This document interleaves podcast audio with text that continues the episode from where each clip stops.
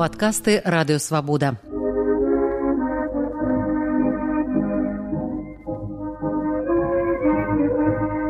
Сто гісторый пра БНР з Сергеем Шупам.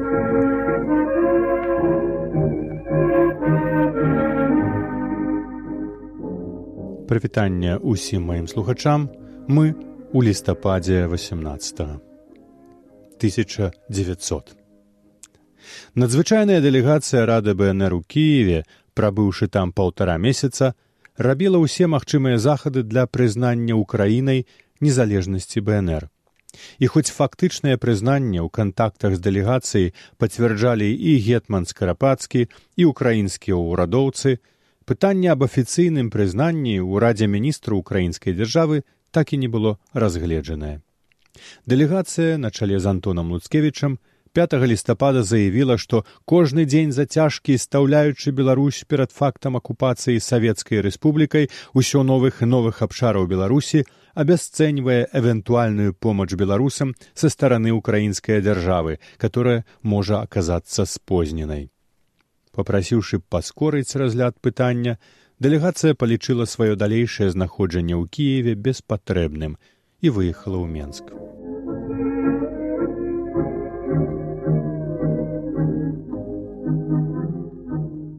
На пачатку лістапада вярнуліся ў Менск і надзвычайныя дыпламатычныя дэлегацыі, якія рада БНР дасылала апрача Кіева яшчэ ў нямметчыну, Польшчу, літву і швейцарыю. Матэрыялы, здабытыя дэлегацыямі пасунулі беларускую справу значна наперад, аптымістычна адзначае афіцыйная хроніка для газет. Аднак факт застаецца фактам да акупацыі тэрыторыі беларусі бальшавікамі ў снежні афіцыйнага прызнання незалежнасці беларускай народнай рэспублікі дамагчыся не ўдалося.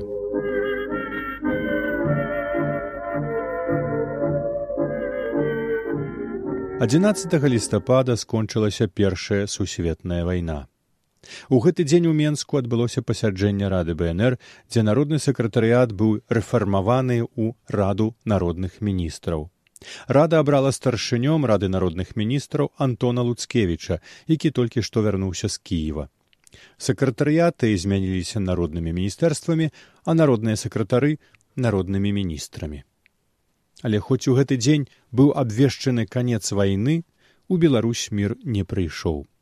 Тут вайна ўжо з іншымі ўдзельнікамі, але з не меншай шкодай для краю і яго народу працягнецца яшчэ больш за два гады і скончыцца падпісаннем рыскага міру, які падзеліць Беларусь напалам.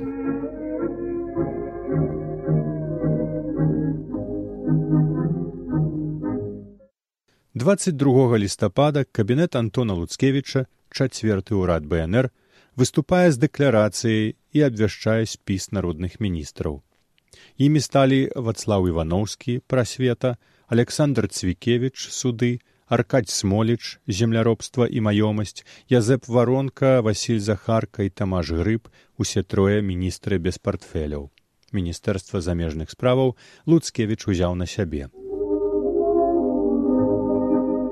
Падкасты радыёвабода. Падарожжа ў БНР з Сергеем Шупам. А 28 лістапада рада БНР выдае сваю апошнюю грамату да беларускага народу. Грамата рады беларускай народнай рэспублікі. Народзе беларускі і ўсе народы беларускай зямлі. Слухай голасу тваіх прадстаўнікоў, што працуюць тваім іменем і дзеля твайго шчасця. Шмат сотняў гадоў панавалі на беларусі чужынцы, а працоўны народ наш гібеў уздзеку, няволі і цемнаце. Бесканечныя войны палівалі нашую старонку рэкамі крыві, а звадкі між народамі і верамі ў самой беларусі атручвалі дух народны, знішчалі ўсе здабыткі культуры і не давалі тварыцца новым.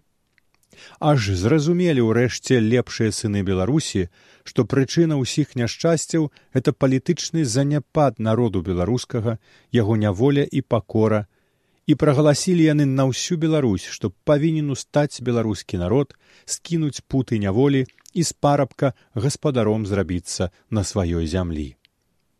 Разышоўся голас гэты па Беларусі і абудзіўся народ. І на вялікі ўсенародны сход, які адбыўся ў снежні месяцы 1917 году ў Менску і называецца ўсебеларускім з'ездам, прыслаў народ беларускі каля дзвюх тысяч чалавек сваіх лепшых прадстаўнікоў з усіх частак, усіх валасцей, усіх закуткаў беларускай зямлі. Не збаяўшыся цёмных сілаў, што тады панавалі на Беларусі, перад наведзенымі кулямётамі і навіслымі штыкамі, сказаў з'езд волю народу беларускага аб яго будучыні.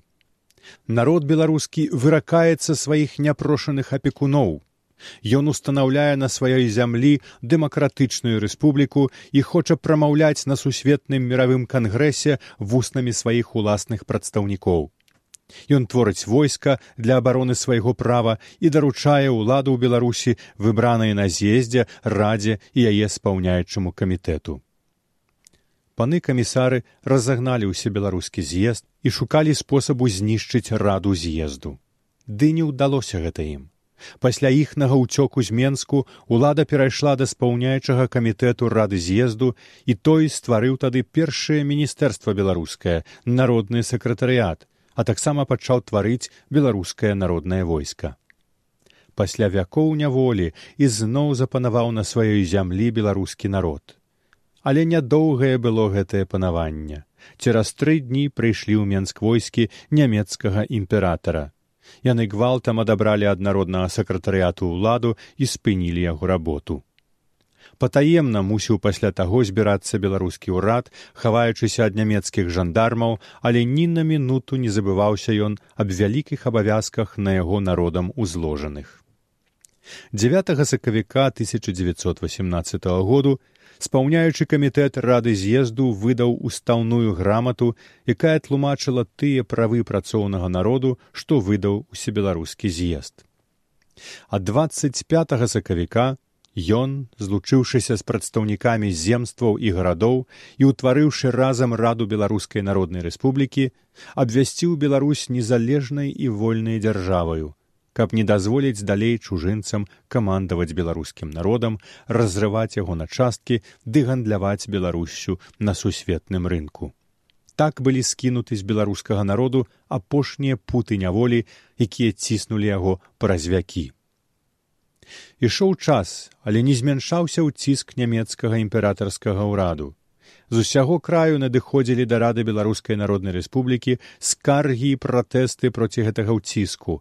А рада нічога не магла зрабіць бо яшчэ не паспеў сабраць беларускі народ сілы свае і моцным плячом падперці сваю раду. Не маючы сілы рада рэспублікі надзеялася хоць сваёю пакораю змякчыць цяжкое палажэнне беларусі.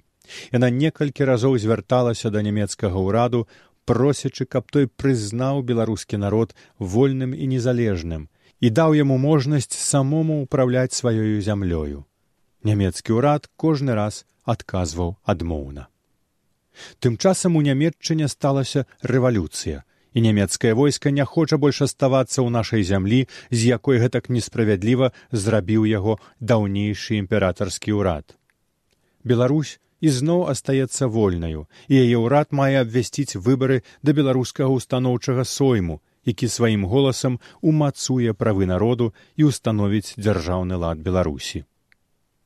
Але хоць шмат змяніла рэвалюцыя ды не змяніла яна нешчаслівай долі беларускай.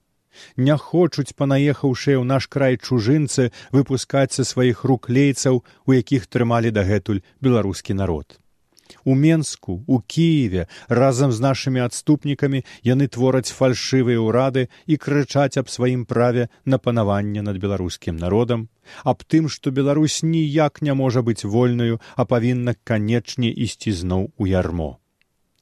Пры гэтым яны не шкадуюць выдумак, каб ачарніць раду рэспублікі і словамі сваімі апаганіць яе працу. Уся мэта гэтых людзей пасварыць беларусаў між сабою, а пасля абяссіліўшы іх аддаць у даўнейшую няволю пад панаванне новага цара і яго чыноўнікаў. Рада рэспублікі, аднак верыць у светлы і здаровы розум народу беларускага і ўсіх дэмакратычных народаў беларусі, якія не дадуць сябе ашукаць хітрым ворагам рэспублікі.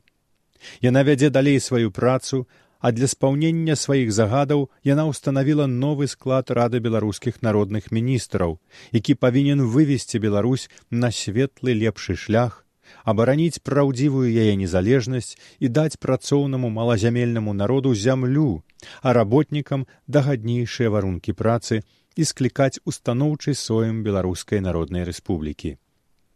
Перад світаннем новага дня, які суліць нашай бацькаўшчыне культурны росквіт і дзяржаўную незалежнасць, павінны абудзіцца ўсе жывыя дэмакратычныя сілы беларусі. Усе, хто хоча бачыць сваю многапакутную бацькаўшчыну Беларусь вольнай, багатай і шчаслівай, усе, хто хоча, каб працоўны народ Беларусі не знаў больш здзеку над сабой і няволі, няхай усюды злучаюць свае сілы, ствараючы на месцах беларускія рады і звязуючы іх з радаю рэспублікі.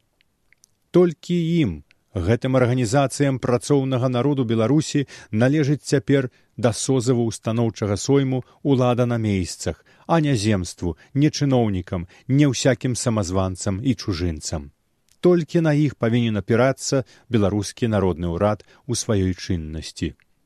Сам народ, абуджаны рэвалюцыяй, няхай бароніць сваю волю і незалежнасць, права на сваю родную зямлю і месца на свеце сярод усіх народаў. Чувайце, грамадзяне беларускай народнай рэспублікі. Надыходзе гадзіна апошняга суду над народамі. Няхай жа не пагасне ў сэрцах вашых жывы агонь замілавання даволі і агульнаграмадзянскага шчасця. Няхай жыве незалежная беларуская народная рэспубліка. Няхай жыве працоўны народ беларусі і салідарнасць вольных народаў. Няхай растуць беларускія сялянскія і работніцкія рады па ўсёй беларусі.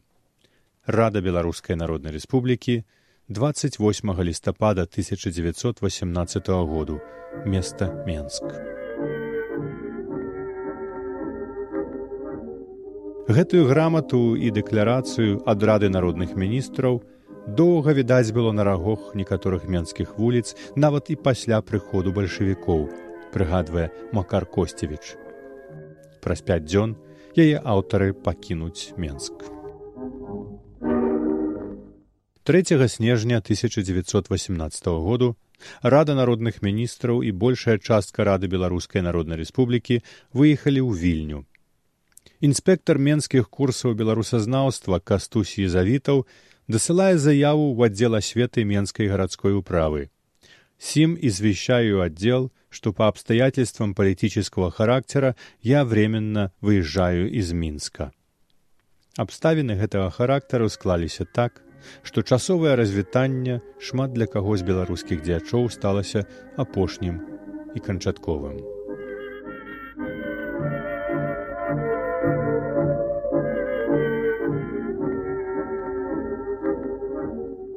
Вы слухалі падкаст радыёвабода. Наступны выпуск праз тыдзень. Усе падкасты свабоды ў інтэрнэце на адрасе свабода кропка орг.